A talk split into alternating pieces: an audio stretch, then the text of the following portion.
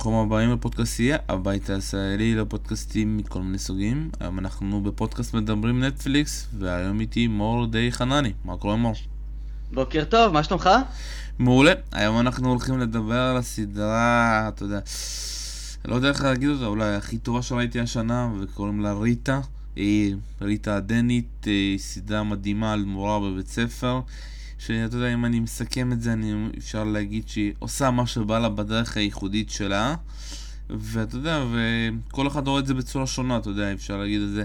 ההורים והממסד יכול להגיד שזה מורה די גרועה, ומצד שני הילדים יכולים להגיד בלי המורה הזאת לא היינו ניצלים.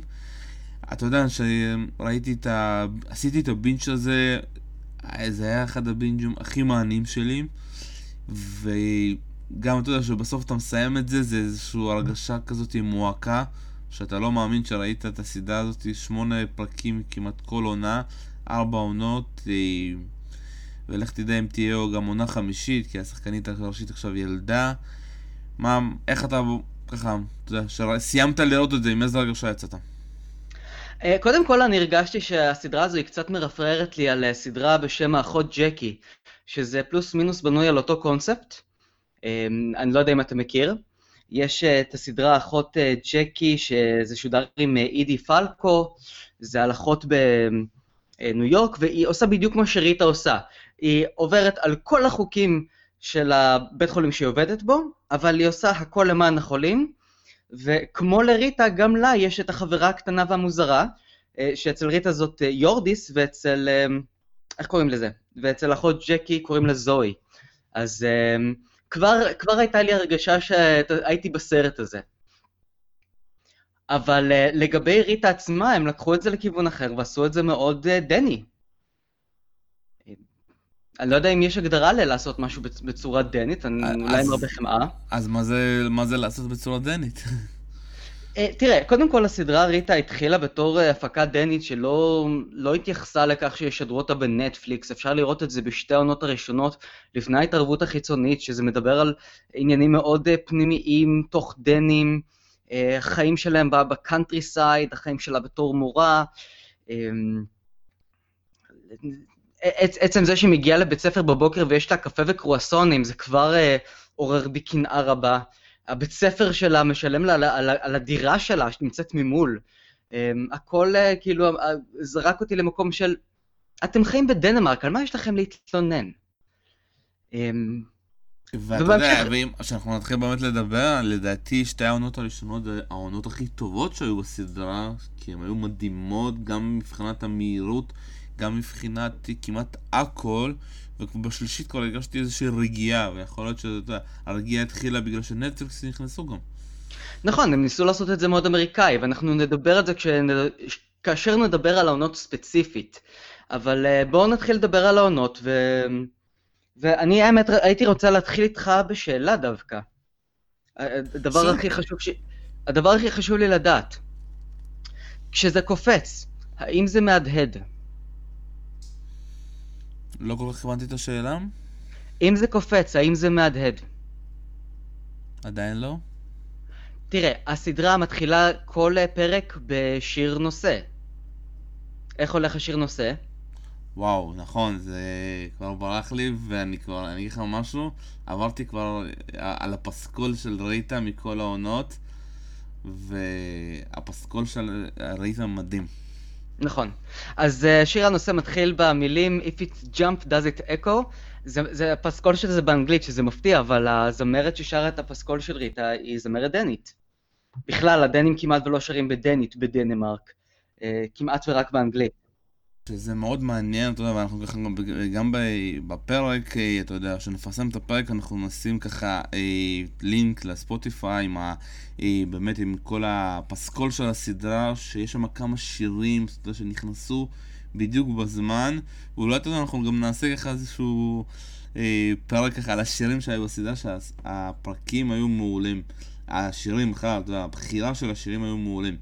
אז בואו ככה נתחיל לדבר על העונה הראשונה, אה, והעונה הראשונה, אני קורא לזה עונה מצד אחד משפחתית, כי מצד אחד, אנחנו נזכיר ככה את הסיפור, ריטה היא אם חד הורית, יש לה שלושה ילדים, ופתאום אה, הבן הבוגר שלה החליט שהוא רוצה להתחתן, ומודיע שהוא מתחתן. אה, הבת פתאום חוזרת הביתה, והבן הצעיר פתאום יוצא מהארון. אז פתאום היא צריכה כזה, אפשר להגיד, אה, להתמודד, לא רק בבית ספר, גם להתמודד במשפחה. אה, ותמיד יש לה גם ככה אפשר להגיד סטוצים אה, מזדמנים. אז אה, איך ככה קיבלת את העונה הראשונה? תראה, העונה הראשונה היה בזה משהו שהוא מאוד... מאוד זרק אותי למים ולאיזושהי מציאות שהיא מאוד מאוד ספציפית, כלומר היה ברור מההתחלה האפיונים של הדמויות, ריטה, יש שם את הסצנה אחת הראשונות שהיא שוכבת עם המנהל והיא מגישה לו עט תוך כדי כי עונה לטלפון והם נמצאים באיזה תנוחה נורא נורא מוזרה. ואני מסתכל על זה ואני אומר, אוקיי, אירופאים, הגיוני, עושים סקס במשרד, אה, עוצרים כדי לקחת הודעות, אחר כך יושבים בארוחה אה, משפחתית ואגב, כשאתה אומר שהכל נופל עליה משמיים ובן אחד מתחתן ובן אחד יוצא מהארון, אז ריטה היא די אה, לא יודע, יש לה שריון פלדה מסביב לגוף שלה או ללב שלה. היא, היא זאת שמוציאה את הבן שלה מהארון בעצמה. זאת אה, אומרת, תעזבו את האח שלכם ההומו, הוא יצא מהארון כשהוא ירצה. כן, אתה יודע, גם זה ככה גם היא מתנהלת, היא לא מכריחה, אתה יודע, היא גם תמיד מנסה, אני רוצה שהוא ידבר איתי, ודווקא, אתה יודע, מרוב כל הבנים, הבן האחרון שיצא מהארון, הוא כזה שלא לא מצליח לדבר איתה, לא מצליח לדבר, אה, בכלל להגיד משהו, ובסוף העונה אתה רואה שהוא הולך בכלל לאלגה שהיא היועצת והיא כביכול האויבת של אימא שלו כדי לפתוח את הדברים. ואז כאן יוצא איזשהו דיסוננס, אתה יודע, זה אחד הדברים הכי מצחיקים שלפעמים, שיש גם, אתה יודע, גם את זה בארץ, שפתאום הבן אה, של המורה נמצא בבית ספר ויש כאן איזשהו דיסוננס, לפעמים אין איזשהו, אתה יודע, איך אה, להסביר את זה יש כאילו אובר קווים כזה, אתה יודע, לפעמים שאתה כאילו הולך למנהל ותמיד כאילו, אבל אני אגיד לאימא שלך, אתה מבין למה אני מתכוון. אני מכיר את זה, היו, היו לי כאלה בבית ספר, אני למדתי בבית ספר בקיבוץ, אה, שבו גם התלמידים וגם המורים, כמעט כולם היו מאותו קיבוץ.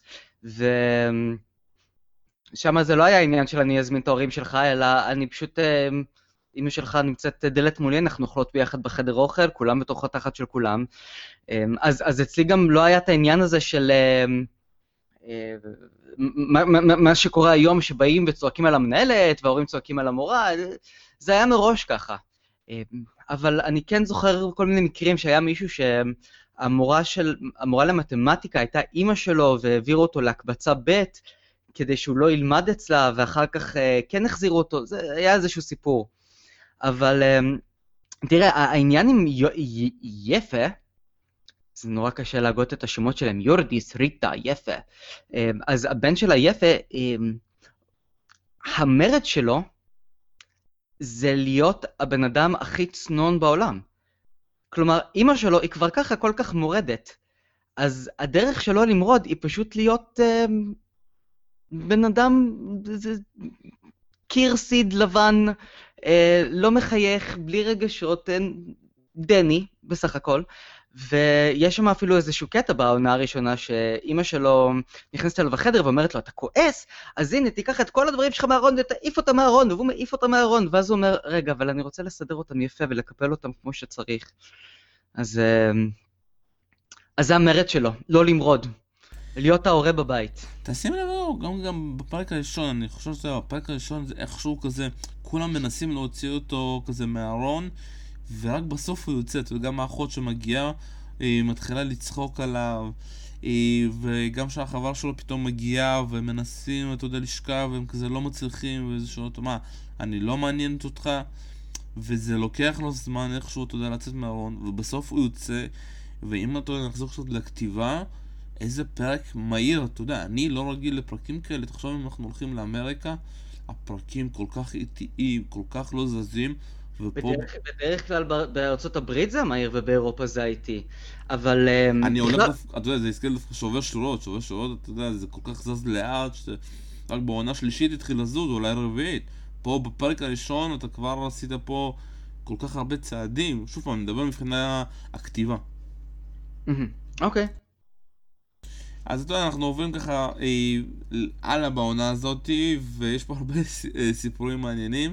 אני אגע קצת אה, בפרק השני, שמאוד אהבתי, זה, זה כל מיני סיטואציות עם ילדים, אה, שאתה יודע, זה קצת... אה, גם אצלנו זה קורה. אחד הדברים שפתאום מגיע תלמיד חדש, אה, ומגיעים לחלק איזושהי עוגה, והילד לא אוכל, כי זה... אה, יש שם סוכר.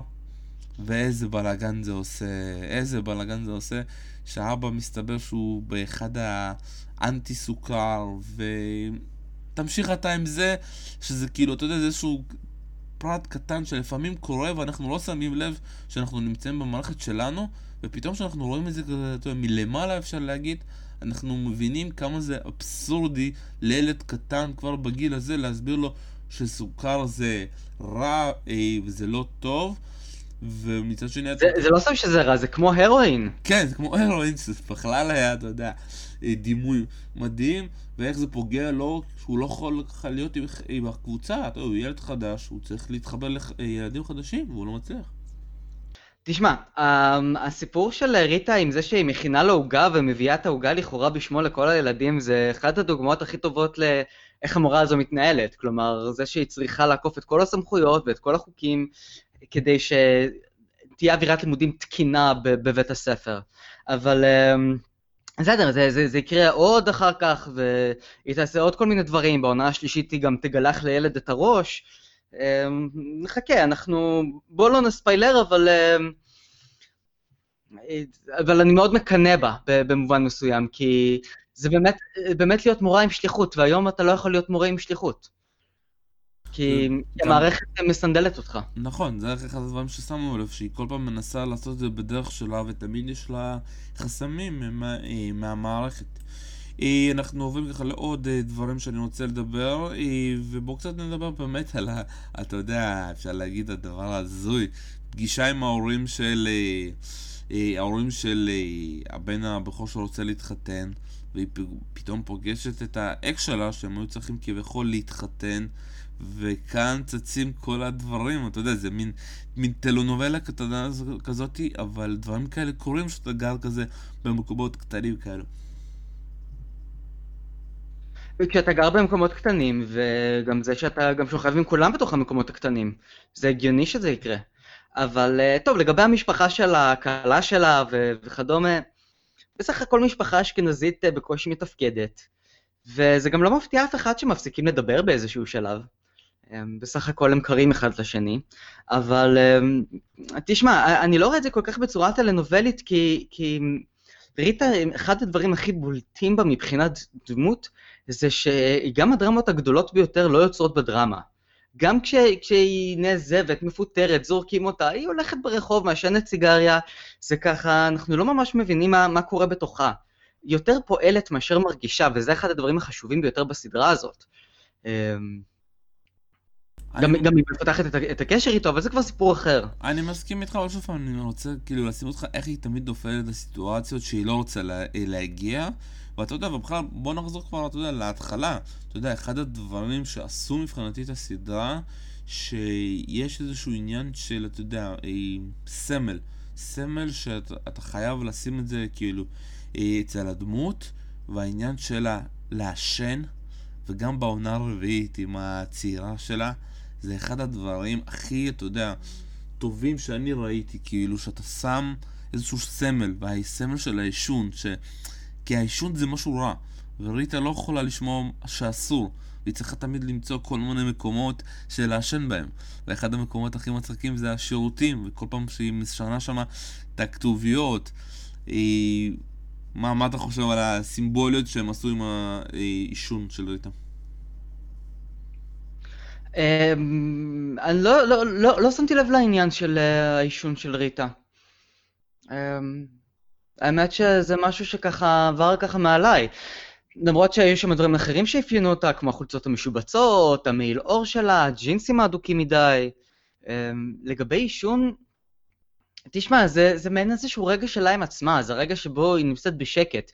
תמיד כאילו, יש לה המולה בבית ספר, המולה מסביב, המולה בחיים שלה, ו, והעישון זה מעין איזשהו רגע נורא פרטי שיש לה. ככה אני רואה את זה, אבל, אבל באמת אה, יש שם המון דברים אחרים שככה יותר תפסו לתשומת הלב. אז בואו תתחיל קצת אתה ככה לדבר על העונה הזאת, כי יש פה, אתה יודע, אני עובר פשוט אה, פרק פרק, ויש פה כל כך הרבה דברים שמעניינים אותי, בואו קצת נשמע מה, איזה נקודות אתה אמ, שמת לב. תשמע, אני העונה, הסדרה התחילה לתפוס אותי יותר בעונה 2. כי העונה הראשונה היא לא כל כך, לא, לא, לא כל כך הלכנו לאיזשהו כיוון מסוים. אה, זה לא עמד באיזשהו סימן של כיתת אינטגרציה, ולא בסימן של לומדים לסגור את הבית ספר, או בסימן מערכת יחסים. העונה הראשונה פשוט עמדה ב... ב אה, בתור תמונה פנורמית של מורה במקום קטן ונידח, ו, וחייה. ורק בעונות הבאות זה התחיל ככה לתפוס יותר איזשהו כיוון שאתה אומר, אוקיי, אני מבין לאן, מה, מה עומד לקרות. אה,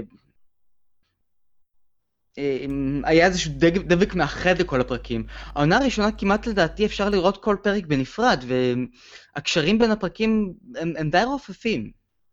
אני לא מסכים איתך, כי אני חושב שהעונה הראשונה היא מראה לך כמה שראית, היא עושה מה שבא לה, והיא... היא מחליטה, אתה יודע, בצורה שלה, איך הדרך הזאת תהיה. ואם אנחנו כבר אה, נדבר על מה, מה, כאילו, שוב פעם, אה, תפס אותי בדברים שהיא עשתה שהם לא נכונים, זה העניין הזה שהיא התחילה לשכב עם האבא של אחת התלמידות שלה. אחת התלמידות שהיא די שונאת אותה, שקוראים לה רוזה. אה, אוי, איזה ילדה שטן. אבל אתה יודע, עם כל הכבוד, יש כאלה בנות שהבנות שהן יותר מדי חכמות, שהן לא נכנסות לכל התמעיל הקבוצתי בכיתה, הן רק עושות שיעורי בית, ופתאום היא יוצר פה איזשהו מצב מוזר, שהיא שוכבת עם אבא שלה, ומצד שני, כאילו, צריכה להיות בקונטקסט הזה שהיא אומרת, אבא שלי כנראה עוזב אותי כי הוא בוגד באימא שלי, ואז הן הופכות להיות כביכול חברות, ופתאום היא בודקת בבית שלה את הטלפון שלה ומגלה שזאת היא. ואז קורה שמשעים אותה, אתה יודע, מהבית ספר בגלל כביכול היחסים האסורים האלו. ואז פה אני מנסה להבין, אם זה יחסים אסורים, אז היחסים שלה עם המנהל זה לא יחסים אמורים, אה, אסורים? לא, לא כל כך הבנתי אם הם יודעים מה זה הטרדות מיניות בדנמרק. תשמע, זה, זה, זה... אוקיי, בוא, בוא נגדיר את זה ככה. רוזה היא מאוד הסיפור של ריטה בתור ילדה קטנה. כלומר, יש בעונה רביעית את ריטה בתור נערה, רוזה היא נורא מזכירה לי את ריטה לדעתי איך שהייתה כשהייתה בגיל שלה. אה, גם כן יותר חכמה מכולם, יותר מורדת מכולם, המשפחה שלה מתפרקת, אה, היא עושה את כל הדברים האפשריים כדי אה, לנסות לאחות את הקרעים ובסופו של דבר נדפקת מהכל. אבל ההבדל העיקרי בין רוזה לריטה זה שלריטה יש המון חמלה, מגיל מאוד צעיר, ולרוזה אין חמלה. היא, ילדה מאוד שתלטנית, היא ילדה מאוד רעה, היא ילדה ש... לדעתי תגדל ותהיה מנכ"לית או איזה mega bitch whatever, אבל הן מתחילות בערך באותה נקודה, של, גם של מרד וגם של, אמ, של לא לראות בעיניים, במובן מסוים. וגם, וגם העניין שרוזה היא ונדליסטית, היא הרסה שם את המעבדה, אני כבר לא זוכר, זה, ראיתי את הפרק הזה די, די מזמן, אבל אמ, לדעתי אם, אם אפשר לאפיין את העונה הראשונה, אני, אני חוזר בחזרה לתיאוריה שלי, באיזשהו סימן גדול, בתור איזשהו דבק שמאחד, אז רוזה היא קצת הדבק הזה. כי היא הסיפור שעובר בין פרק לפרק עד שזה מגיע לה, במרכאות, קתרזיס. אני מסכים איתך שהיא כביכול הדמות הטראגית, ובסופו של דבר אני חושב שזה גם איזושהי אכזבה של ריטה בסופו של דבר, כי ריטה, אתה יודע, גם בסוף, תצאי עם חברים, מה את עושה בספרייה? אין לה חברים, תצאי.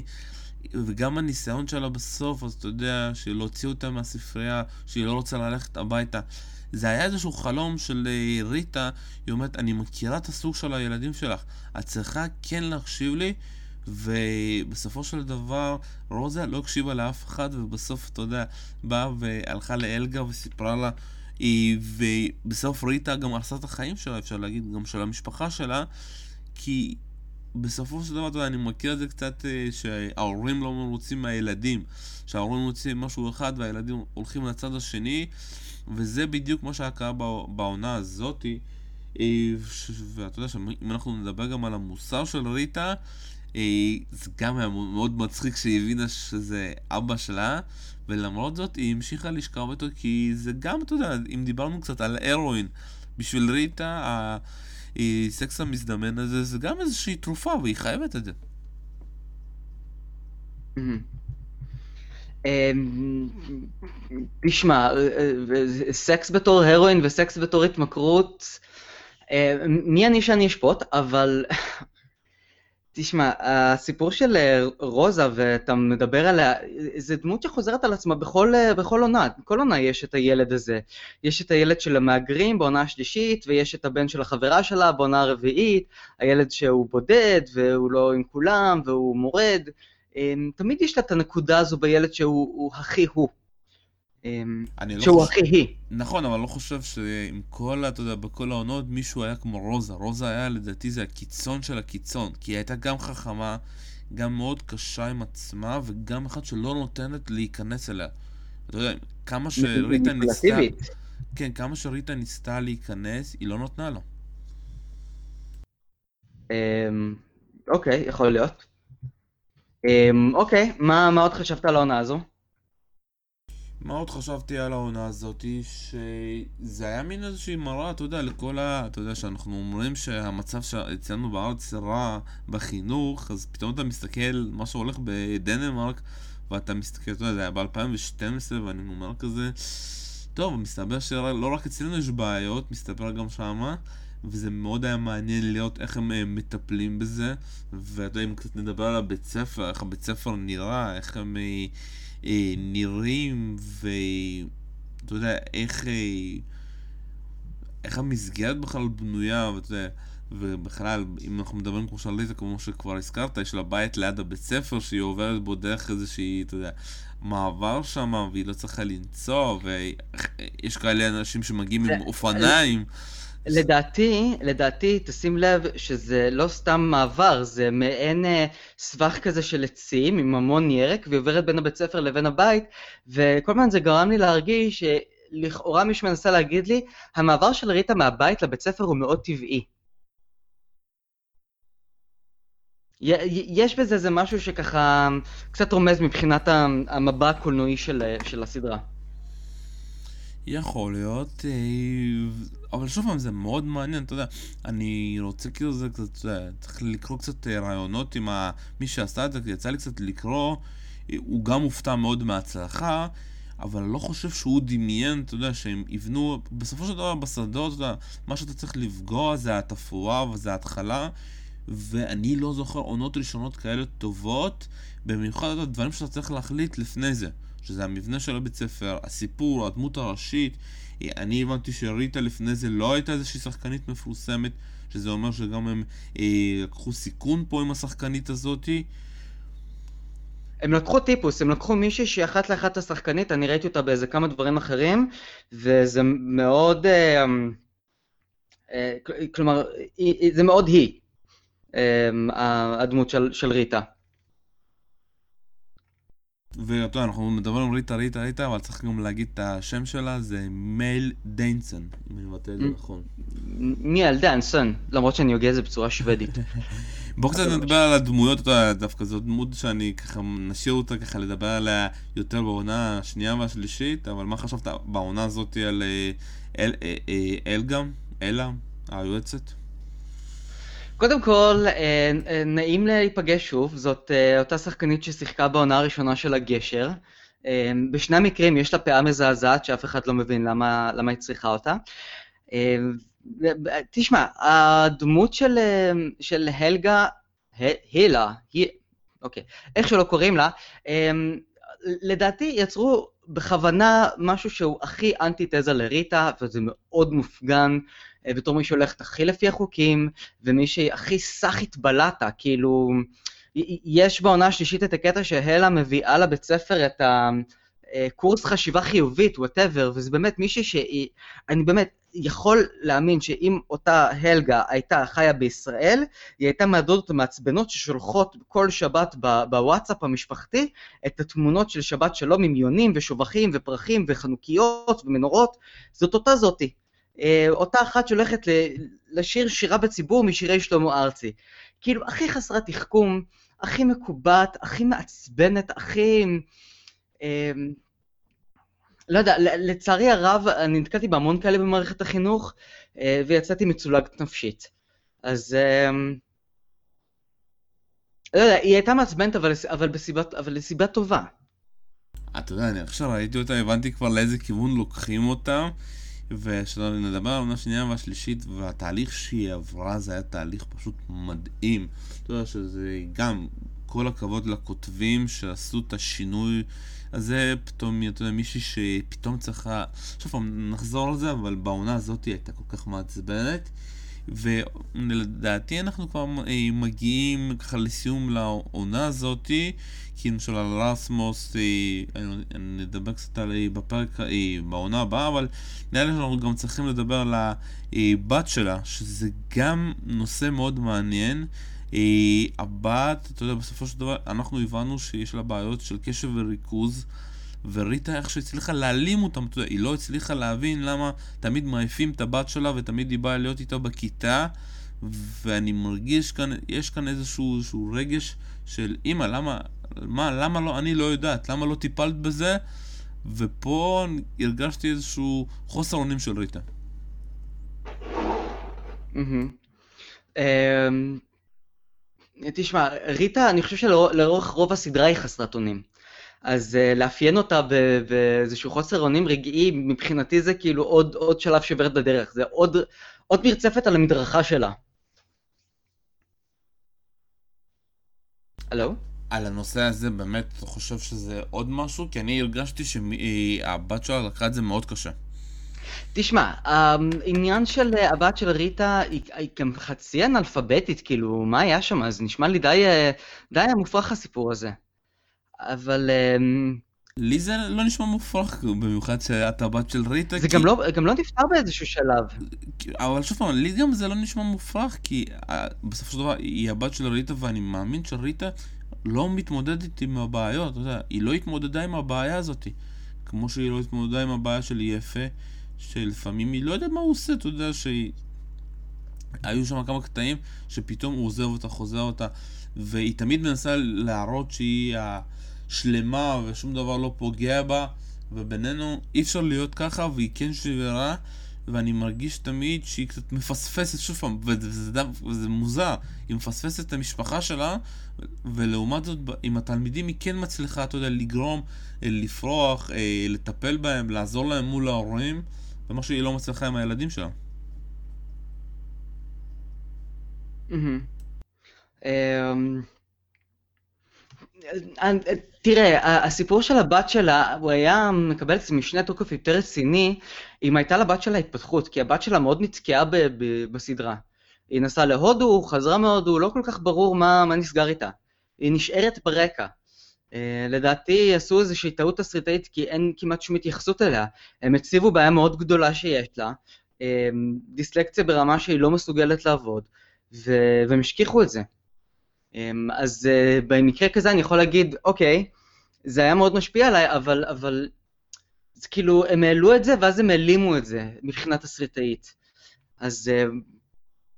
אה, בגלל זה אני מזכיר אותה בעונה הראשונה, כי אני חושב שזה שהיא לא הייתה משמעותית, לא בעונה שנייה, שלישית, רביעית, זה בגלל ענייני לו"ז, וכנראה שהיא לא יכולה לשחק, ודברים מאחורי, בגלל זה, אתה יודע, היא כל פעם רק פרצה לכמה דקות. ובגלל זה אני חושב שהחלק המשמעותי שלה בעונה הראשונה הוא מאוד חשוב, אתה יודע, ולראות את המערכת שלה עם mm-hmm. ריטה.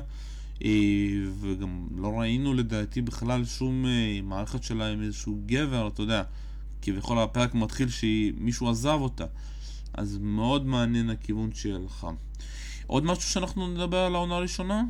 וואי, לא. אני, אני חושב שאנחנו חייבים להזכיר ככה בעונה הזאת על יורדיס, אתה יודע, לא דיברנו על יורדיס בכלל, ואתה יודע, היא חלק חשוב מכל עונה, ומילה שאני אגיד על יורדיס, זה רגע שהיא נכנסה, או שריטה שלחה אותה להסביר מה זה חינוך מיני, היה רקע ענק שריטה ניסתה להימנע מזה והיא לא כל כך הצליחה. אמ, תשמע, כשיורדיס ניסה להסביר לחבר'ה שמה מה זה חינוך מיני, אמ, אני זוכר את הפרק הזה, זה היה אה, לדעתי קצת פרודיה על עצמם, כי הדמות של יורדיס היא כבר ככה ווירדואית והיא כבר ככה... אמ, מצד אחד היא הגיעה מתחתית הסולם החברתי, וברור לכולם שהייתה ילדת כאפות בתיכון, וברור לכולם שהיא חזרה לבית הספר וללמד מתוך איזשהו... אתה איתי? מתוך איזה... אני איתך. כן, כן, מתוך איזושהי ברירת מחדל. אמ, אבל בעניין הזה של אה, יורדי ספציפית, אני יכול לומר לך ש... כשהיא נשתכה לעשות את ה... להראות את השיעור של החינוך המיני, אמ, זה היה איזשהו ניסיון לאפיין את הדמות אה, בתור מישהי שהולכת לחזור בעונות הבאות, והם התחילו הכי, הכי מהיר שלהם, ומשם הם, הם, הם הגבירו. כי היא בהמשך גם מתפשטת אה, מול הבנות כדי להראות שהיא אוהבת את הגוף שלה, והיא גם הולכת לבית ספר לבושה בתור אה, אורקית כדי לרצות את הבעל שלה, והיא תמיד מישהי שככה הולכת על הקצה. אז המקום הזה שלה, עם כל המבוכה וכדומה, זה פשוט בגלל שהיא קצת ילדת פרחים כזו. ויש לה המון פנטזיות והמון רעיונות. אמ, אם זה היה תלוי ביורדיס, אז הם כל יום היו מחליפים עוגות, משחקים מחבואים עם ההנהלה, ופתאום כשנותנים לה לעשות משהו שהוא יוצא מגדר הרגיל בגבולות הנורמה, כלומר לדבר על חינוך מיני אבל במסגרת בית ספרית, אז דווקא עם הדבר הזה היא לא מצליחה להתמודד. שזה מעניין, כי מבחינת ההתפתחות שלה, היא מדברת בכיף על מיניות, ו- וכאמור היא גם מתפשטת uh, בכוונה ליד הבנות שלה בבית הספר, אז um, זה איזשהו רגע ש- שנחמד לחזור אליו, לראות איך, מאיפה היא התחילה. טוב, אז אנחנו מסיימים את החלק הזה, חלק של העונה הראשונה עכשיו, אה, וניפגש בפרק הבא על החלק השני של העונה השנייה.